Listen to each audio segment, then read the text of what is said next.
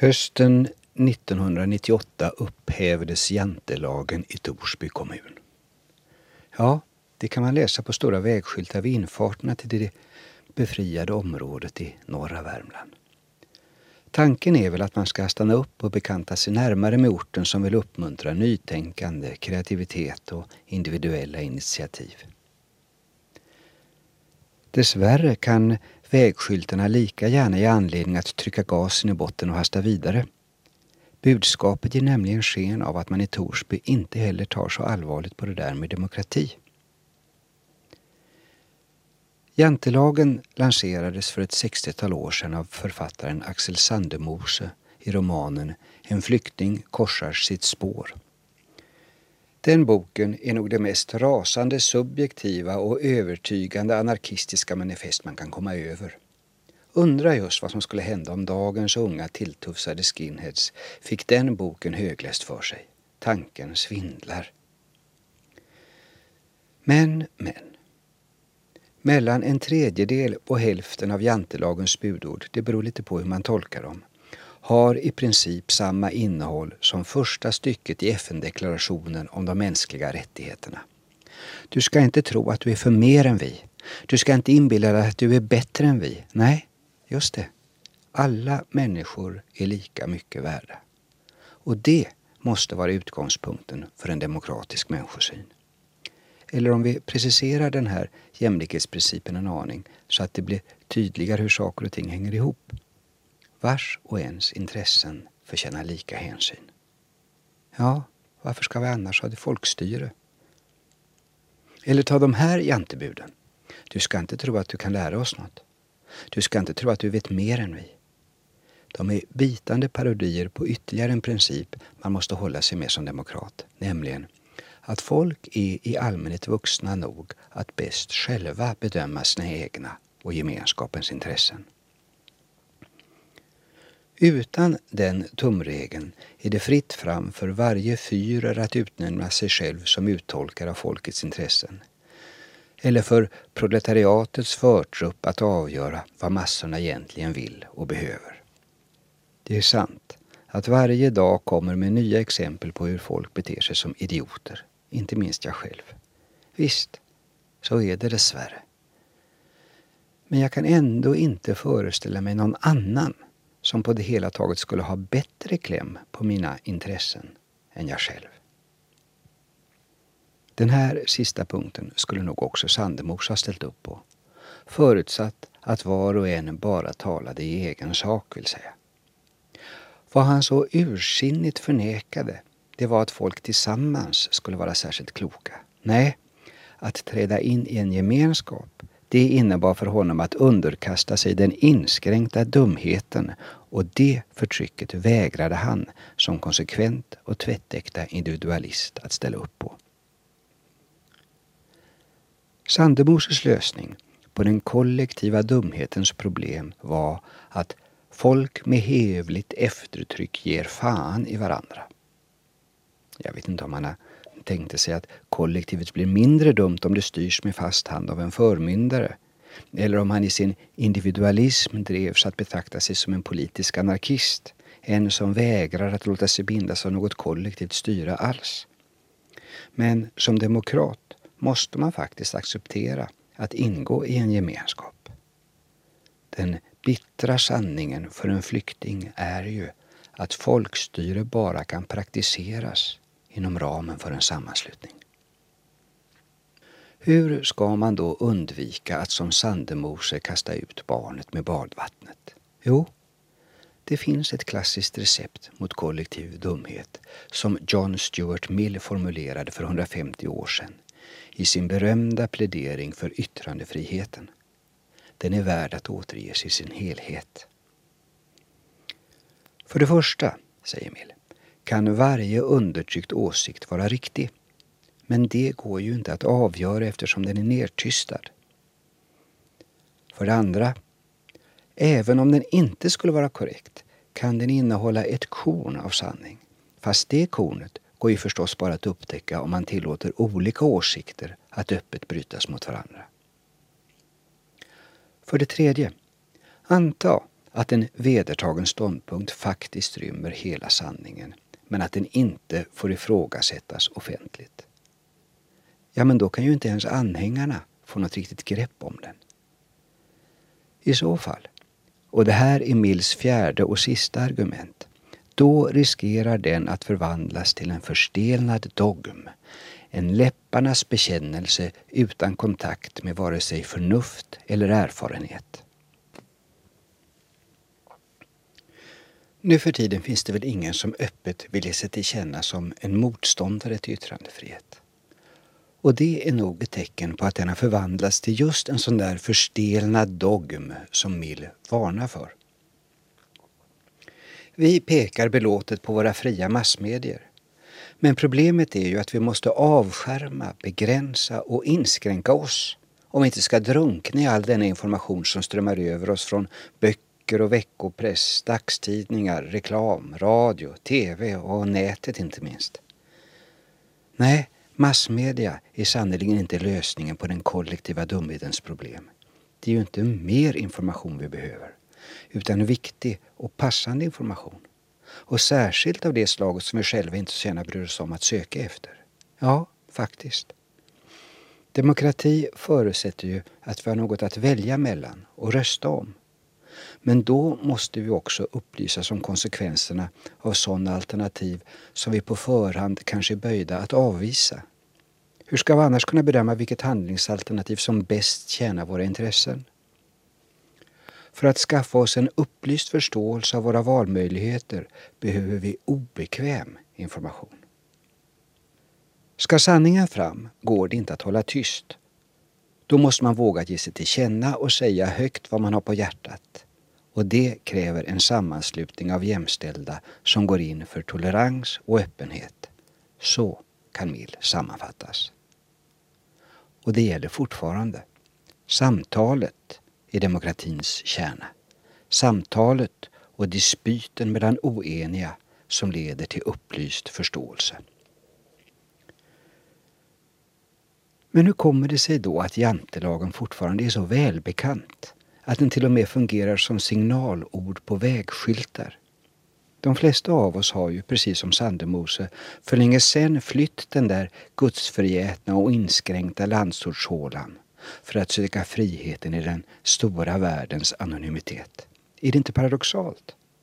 Och den lilla överskådliga stan där alla känner alla, ja men den borde väl vara det demokratiska samtalets vagga?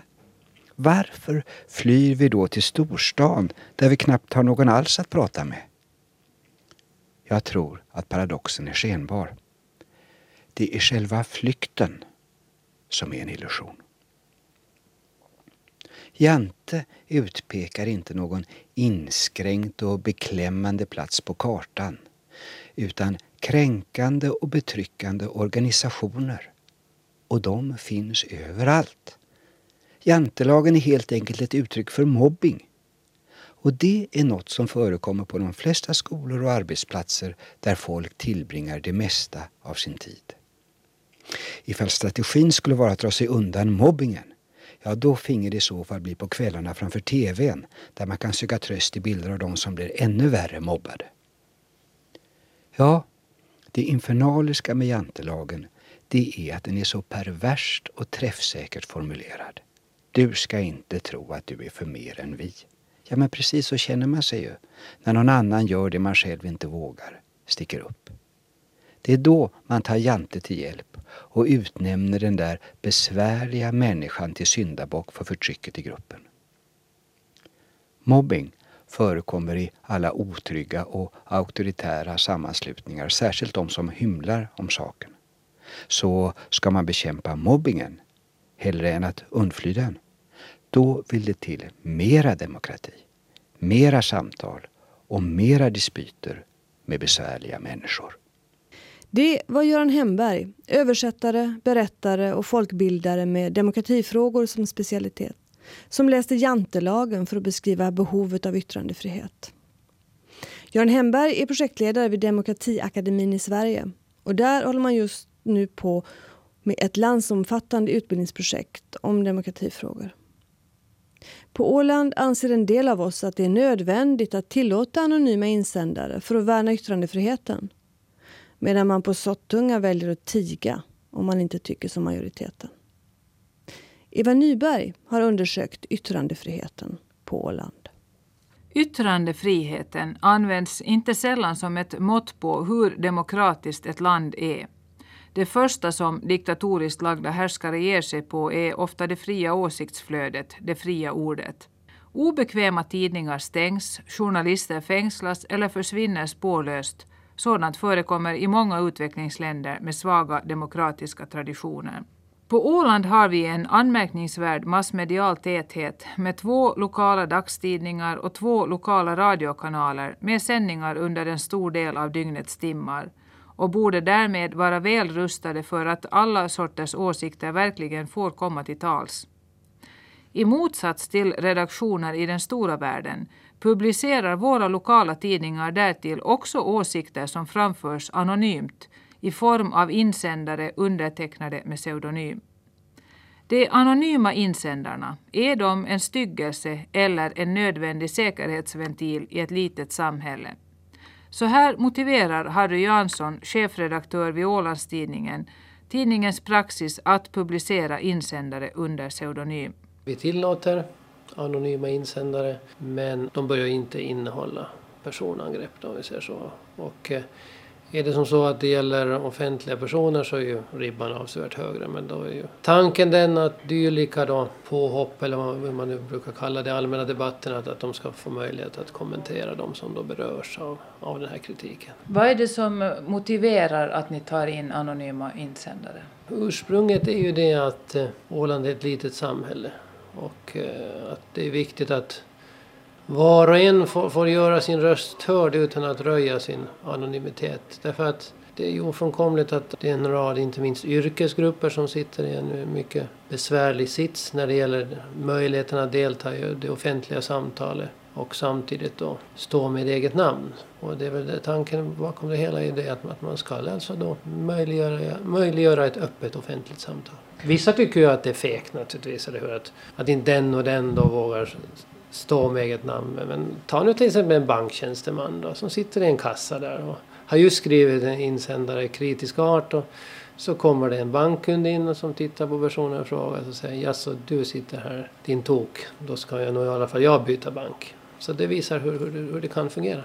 Finns det som du ser det någon risk för att eh, man kan missbruka denna rätt att skriva under pseudonym? Nej, inte om då redaktionerna då har en, eh, klara principer för hur det ska skötas. Det vill säga A. I vårt fall att politiker och andra makthavare, de får inte skriva anonymt. En av våra ministrar eller vem som helst, så de har inte möjlighet att, att anonymt göra så att säga påhopp. Vem räknar du som politiker? Landskapsstyrelsen, lagtingsledamöterna, ja, ja, men inte ner på kommunal nivå nej, mer? Nej, nej. De, de som lyfter lön för sitt politiska värv? Ja, det är en ganska bra rubricering. Och sedan B som jag sa, att man då ser till att, att, att, att det inte, inte förekommer påhopp. Och C att man försöker vara observant på att det inte finns någon form av kampanj av anonym art i bakgrunden. Det vill säga att om man kan börja misstänka att, att det finns någon som sitter och, och styr egentligen den här anonymiteten men använder olika personer då som sina bara för att sätta namn under. Det, det, här det här har förekommit och jag har varit med om det under mina sex år här. då har man fått helt enkelt säga åt alla som, som då har varit befattas med det där att, att det här är inte trovärdigt, det ni håller på med. Du säger att det får inte förekomma personliga påhopp. Ändå så brukar ni få kritik för just detta. Beror det på att folk har olika uppfattning om vad som är ett personligt påhopp? De här sakerna som inträffar väl tyvärr nu och då. Så det, det kan vara förbiseende från vår sida någon gång. Det vill säga att våra rutiner inte fungerat. Och sedan, sant som du säger, att, att i vissa fall så, så har inte vi kanske när vi har läst det har till och med hänt mig också. När vi har läst så har vi inte riktigt varit observanta. Man har inte riktigt tagit till sig att här kanske finns det något som är ett, egentligen ett påhopp. Mm. Vi hade ett uppmärksammat fall här som gällde Ålands folkhögskola. Som det i efterhand är lätt att konstatera att vi missade i vår, vår granskning. Men då när man läste det utan att ha bakgrunden klar för sig. Då tyckte man det var oskyldigt. Mm. Rätt att, att den här debatten fick föras. Men det är alltid lätt, alltid lätt när man tittar i backspegeln. Vad gör du då när du i efterhand konstaterar att här, här borde det inte ha fått passera som en anonym insändare?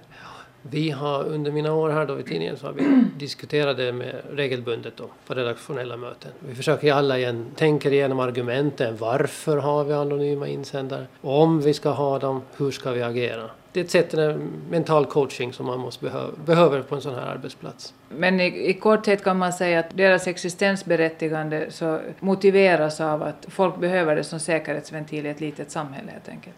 Ja, så kan man nog säga. Och jag tycker inte att anonyma insändare är ett problem egentligen.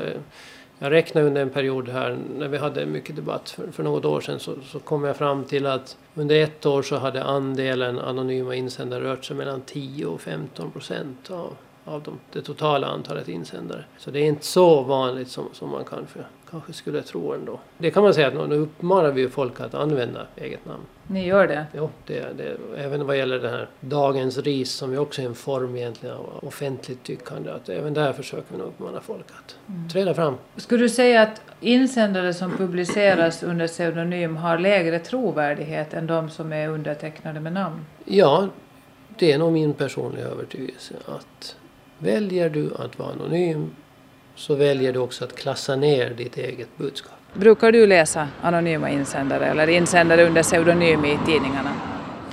Om rubriken är så intressant så att, att den fångar, men att jag tycker att uh, skriver man en insändare så ska man också sätta sitt namn under det. Man ska kunna stå för sina åsikter. De som är under pseudonym, har de så att säga lägre trovärdighet än en som är med signerad? Betydligt lägre trovärdighet.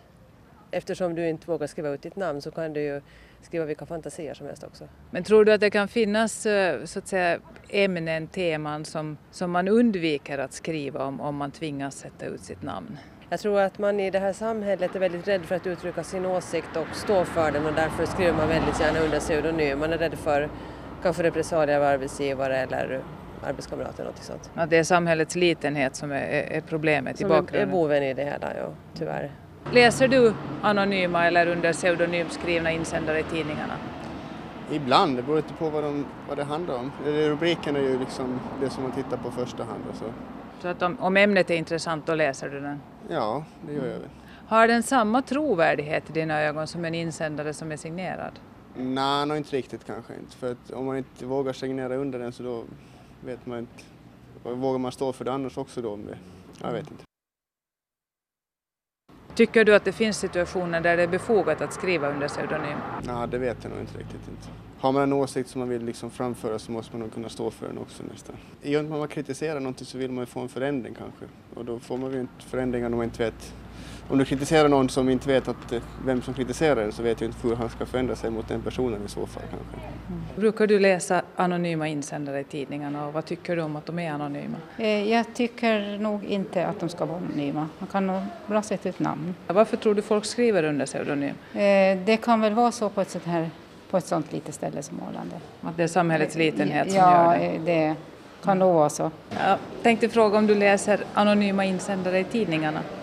Och vad tycker du om att de är anonyma? Ja, det beror på vad saken gäller förstås. Har de samma trovärdighet som, som uh, insändare som är signerade med namn? Ja, det är från fall till fall tycker jag. Att... Det var några anonyma röster om fenomenet anonyma insändare. På den andra åländska dagstidningen Nya Åland rensade nya chefredaktören Lars Rosenblad upp bland de anonyma insändarna efter sitt tillträde.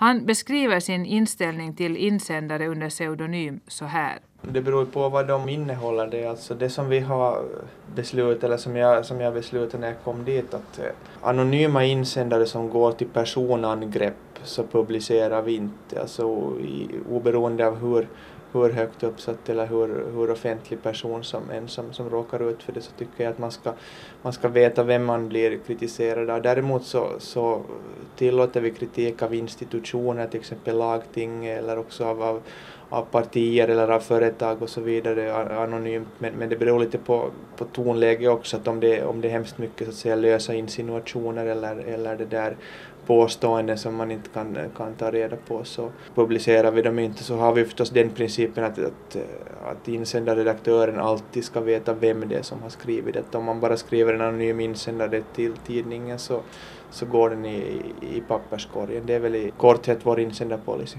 Det var alltså en förändring som du införde när, när du kom dit. Hade du övriga redaktionen med dig? Jo, det hade jag nog. Alltså att, inte var det någon stor diskussion, tvärtom så, så var det väl en, när jag talade med människor så där på, på stan och så där så var det väl ett av de, av de önskemål som, som kom fram allra tydligast att, att försöka nu få, få det där röja upp i de här anonyma insändare. Det finns ju många som tycker att man inte ska ha anonyma insändare överlag men att det finns ju, finns ju förstås goda argument för varför man, varför man kan ha anonyma insändare. Vad är det som talar för anonyma insändare? No, av samma orsak som man ibland som journalist intervjuar personer och låter dem bli anonyma. Alltså det som de säger är, är av allmänt intresse och, och, och, så pass viktigt att det är värt att det kommer fram. Men om det kommer fram att det är de som, som skriver det eller säger det så, så kommer de att råka illa ut på ett, på ett sätt som, som man då som, som tidning vill, vill skydda dem för. Har samhällets litenhet betydelse i det här sammanhanget? Alltså på ett plan tror jag att det har, har betydelse just i och med att alla, alla känner alla och, och alla har så att säga, eh, många liksom beroende av de makthavare som de då, eh, eller institutioner som man kritiserar. Så det är klart att det, att det i ett litet samhälle är svårare att gå ut med eget namn. Man kan alltså, det är lättare att man råkar illa ut om man, om man går ut med eget namn än i, än i ett större samhälle. Men, men liksom på ett annat plan så tror jag inte att det har någon betydelse utan nu finns det många som i större samhällen också som,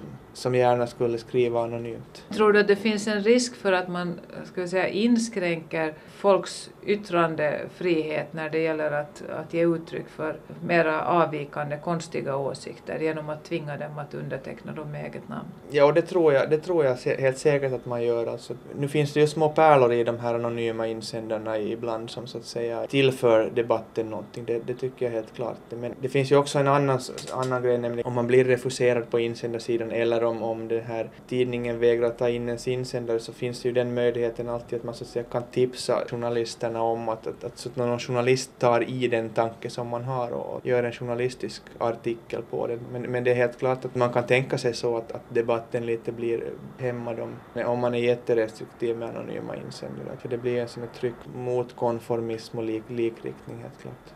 Sa Nya Ålands chefredaktör Lars Rosenblad. Det är inte endast vanliga medborgare som drar sig för att fritt begagna sin yttranderätt. Detsamma kan dessvärre också sägas om många offentligt anställda tjänstemän i ärenden som berör deras arbete. Det officiella Åland är inte alltid ett så öppet samhälle som man kunde önska. Harry Jansson, tidningen Åland. Det är ju relativt lätt att informera om Åland men det beror inte på att det är så öppet. Det beror nog mera på att journalisterna har, har kanaler och har vana att, att, att tränga igenom det här åländska, den åländska apparaten om vi kallar den så.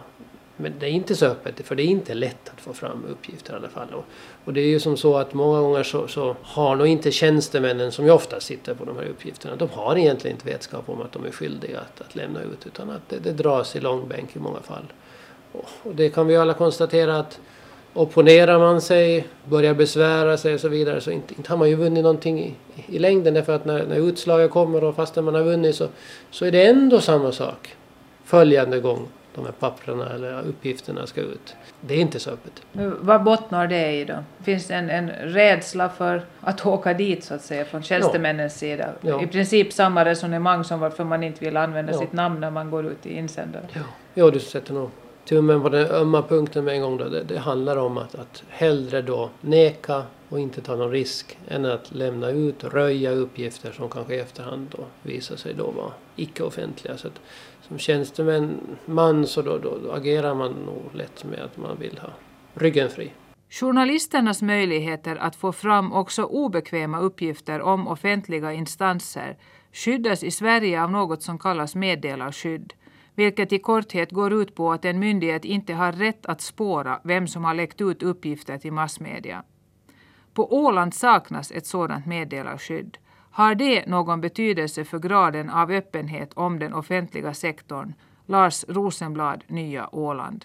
Åland liksom i Finland så har vi ju källskydd och det betyder det att eh, en källa har rätt att vara anonym och, och man får inte man får alltså inte yppa åt någon vem det är som har, som har tipsat en eller, eller, eller sagt bu eller bä, utan man är som journalist, alltså man, man begår ett brott om man yppar vem det är som har sagt det. I Sverige har man källskydd men dessutom ett meddelarskydd som, som då går ut på det att uh, en myndighet har inte rätt att uh, försöka spåra inifrån myndigheten vem det är som har läckt ut uppgifter. Alltså den här mm. skyddet för, för upp, uppgiftslämnaren är, är så att säga aningen starkare i Sverige och det är klart att man kan tänka tänka sig att ju större skydd uppgiftslämnaren har så desto friare är debatten och desto lättare är det så att säga att inifrån den offentliga sektorn läcka uppgifter om, om maktmissbruk eller fel som begås. För att eh, det är klart att organisationer har en tendens att, att titta varifrån uppgifterna kommer då. Jag tror, inte det, jag tror till exempel inte att det på landskapsnivå spelar så stor roll. Därifrån får man nog,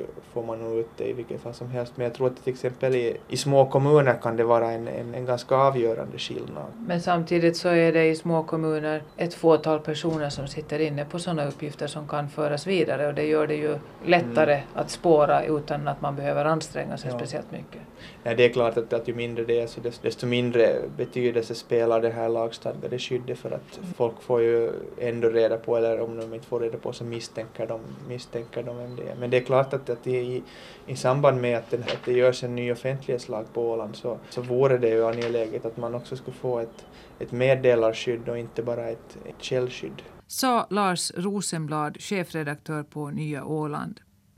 Hur hanterar då de verkligt små kommunerna detta med öppenhet, åsikts och yttrandefrihet?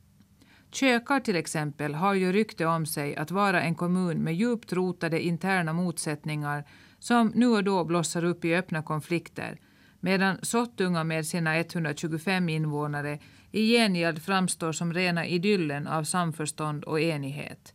Men hur är det egentligen under ytan? Är man så osams i kökar? Råder det total konsensus i Sottunga eller väljer de som har avvikande åsikter att tiga framom att göra sig socialt omöjliga?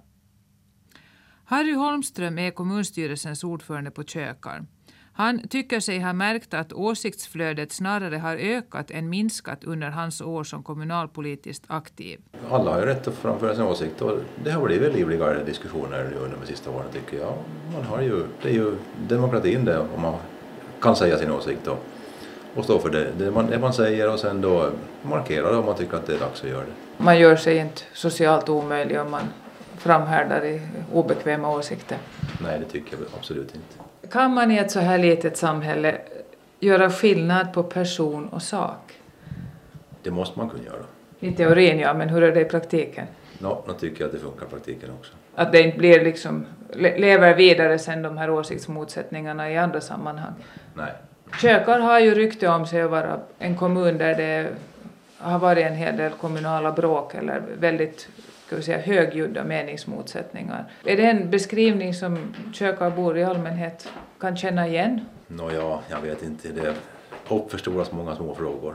Så därför kanske det ser värre ut än så var det många gånger det. Och vem är det som uppförstorar de där frågorna då? Den som vill ha fram sin åsikt kanske är ihärdig. Men du, du är inte beredd att beskriva kökarborna som särskilt bråkiga? Nej, absolut inte. Nej, nej. Vi är väl speciella kökarbor som vi är, kanske. Kökarborna är speciella, säger alltså kommunstyrelsebasen Harry Holmström. Kökarborna är intensiva, har å sin sida kommundirektör Kurt Forsman sagt i något mera eldfängt sammanhang. Men några problem med åsikts eller yttrandefriheten tycker inte heller han att det finns på Kökar. Jag tycker nog att avvikande åsikter får komma till tals och jag tycker också att de nästan kommer bättre till tals i ett litet samhälle än i ett stort. För i det här lilla samhället som vi lever i så var och en har någon gång en avvikande åsikt eller flera avvikande åsikter från, från det allmänna.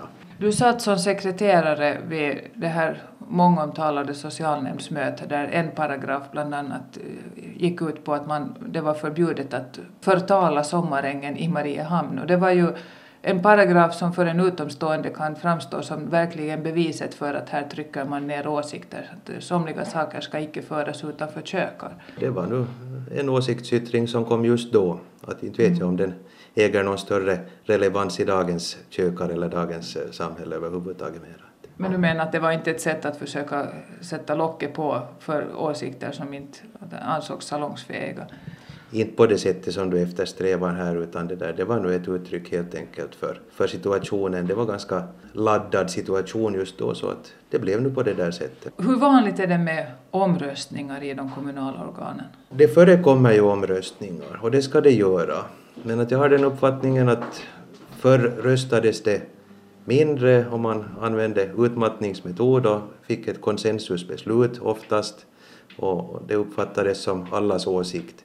Idag skulle jag säga att, att just de här åsiktsyttringarna gör att man röstar oftare och det tycker jag är helt bra. Det kan vara väldigt mycket diskussion i, i ett kommunalt organ kring en väldigt liten grej och det kan också föranleda att eh, någon reserverar sig efter omröstning mot ett väldigt som jag uppfattar det, litet beslut. Tror du att det finns personer som så att säga, sväljer sina synpunkter, sina åsikter för, av, av rädsla för att, att gå emot en eh, majoritetsopinion helt enkelt, en form av självcensur? Rädsla ska jag väl inte kalla det, men att jag tror nog på det sättet att det förekommer en viss grad av självcensur här. Man är ju väldigt nära varandra och tätt in på varandra, man sitter på flera stolar samtidigt kanske, man umgås med väldigt många människor och sådär och man funderar nu lite efter säkert vad man nu, vad man nu säger. Så att mm. om du vill kalla det självcensur så, så jag tror att det finns någonting sånt i, i det här också. Nog. Man kallar det självbevarelsedrift istället. Ja, det, det är ett bra uttryck kanske. Men handlar det just om att det är svårt att skilja mellan sak och person? Att om man, om man agerar i en sak, att det samtidigt går emot någon persons intressen i det och att det därigenom blir väldigt känsligt. Nu tror jag att man kan hålla skillnad på sak och person, men att man funderar nu två gånger före man nu uttalar sig på något väldigt sånt där kraftigt sätt. Är det sen uttryck för att det, det kokar över det här om man har hållit det inombords, när det sen blir de här konflikterna kring, som du sa, ganska små saker som blossar upp och det och det igen så att säga bekräftas att oj vad de bråkar på köket. No, det, där, det är ju på det sättet att en potatiskastrull kokar ju också över någon gång om, inte, om man eldar under hela tiden så att det måste väl lite pysa ut ånga emellan. Om kökaborna är beryktade för att vara osams visar däremot grannkommunen Sottunga utåt upp ett ansikte av total enighet. Omröstningar i fullmäktige inträffar sådär vartannat decennium eller så. Men är den här totala enigheten ett uttryck för att demokratin fungerar? Kommunfullmäktiges ordförande Göran Stenros. Genom att det är så litet så kanske många, många eller beslut fattas utan protokollförda möten. Visst kan det hända att på, på det sättet så kan, kan väl de demokratiska tågordningarna hoppas över ibland. Men det är inte en liten klick som sitter och fattar de där besluten utan de är förankrade så att säga. De är diskuterade även om det sker mera informellt. Man försöker ju och, och, och det som, som man ju då i ett lit, så här litet samhälle som man, man kanske tänker sig för en extra gång innan man fattar ett beslut. Man kanske aktar sig för att driva frågor om man vet att det finns motstånd mot det. Ja, det är det jag funderar, att har man liksom möjlighet att ha en, en väldigt avvikande åsikt här? Eller gör man sig socialt omöjlig? Man måste ju komma någorlunda överens om man är så här få människor på en holme. Det är ju svårt att säga om, om man är med, med i kommunfullmäktige och fattar besluten så tror man väl kanske att, att allas vilja har hörts när, när man fattar sitt beslut. Men att säkert finns det en, en tyst opinion, jag menar, och kanske folk tuggar sin tunga istället för att, att säga sin åsikt. Det, det, det, det tror jag säkert att det är en risk i ett litet samhälle att man istället för att ställa till scener så, så är man tyst och drar sig tillbaka. Sa Göran Stenros. Lorentz Karlsson är infödd och återflyttad Sottungabo och han bekräftar på sitt sätt det Göran Stenros säger. Jag tror att det är sån lite sluten demokrati här inom kommunen. Det finns ingen opposition alls inom, inom hela kommunen. Det finns ingen som vågar säga någonting att så har jag tänkt att hur, hur gör ni nu så där? Varför finns det ingen opposition? Menar, du menar att det finns det andra åsikter som inte kommer till tals? Säkert finns det. Varför kommer de inte till uttryck? Ja, det är väl för att man ska hålla det här kamratskapet. För att man inte ska göra sig socialt omöjlig helt enkelt? Just på det viset. De beslut som, eh, som sen tas, menar du då att de, de, är liksom inte, de är inte diskuterade bland folk innan de kommer upp som beslut? Att de inte är förankrade på det viset? De är ju valda personer som resonerar om saker inom kommunen. Så de har ju fått sin fullmakt. Men de kan väl ge lite ut också åt allmänheten vad som ska behandlas förrän de behandlar saker och ting. Men det kommer inte. Men ändå kan man ju tycka att när det är så några människor i den här kommunen, jag menar ni är ett drygt hundratal, vad är ni, 125 invånare, att avstånden mellan de som tar beslut och de övriga invånarna är, är, är så korta att man i olika sammanhang ändå träffas så att, att saker och ting ventileras. Men, men man diskuterar alltså inte sådana frågor. Det är för liten kommun nu tycker alla att jag vågar inte säga det därför grannen tycker illa. Va? Att man har svårt att skilja på, mm. på sak och person. Ja, så är det nog. Finns det någon sån konkret fråga som, som du vet där, där det har funnits andra åsikter som, som inte har kommit till tals? Ja, talar silver med tiga i guld. Tydligare än så kan det knappast formuleras. Det lilla samhällets problem med åsikts och yttrandefriheten.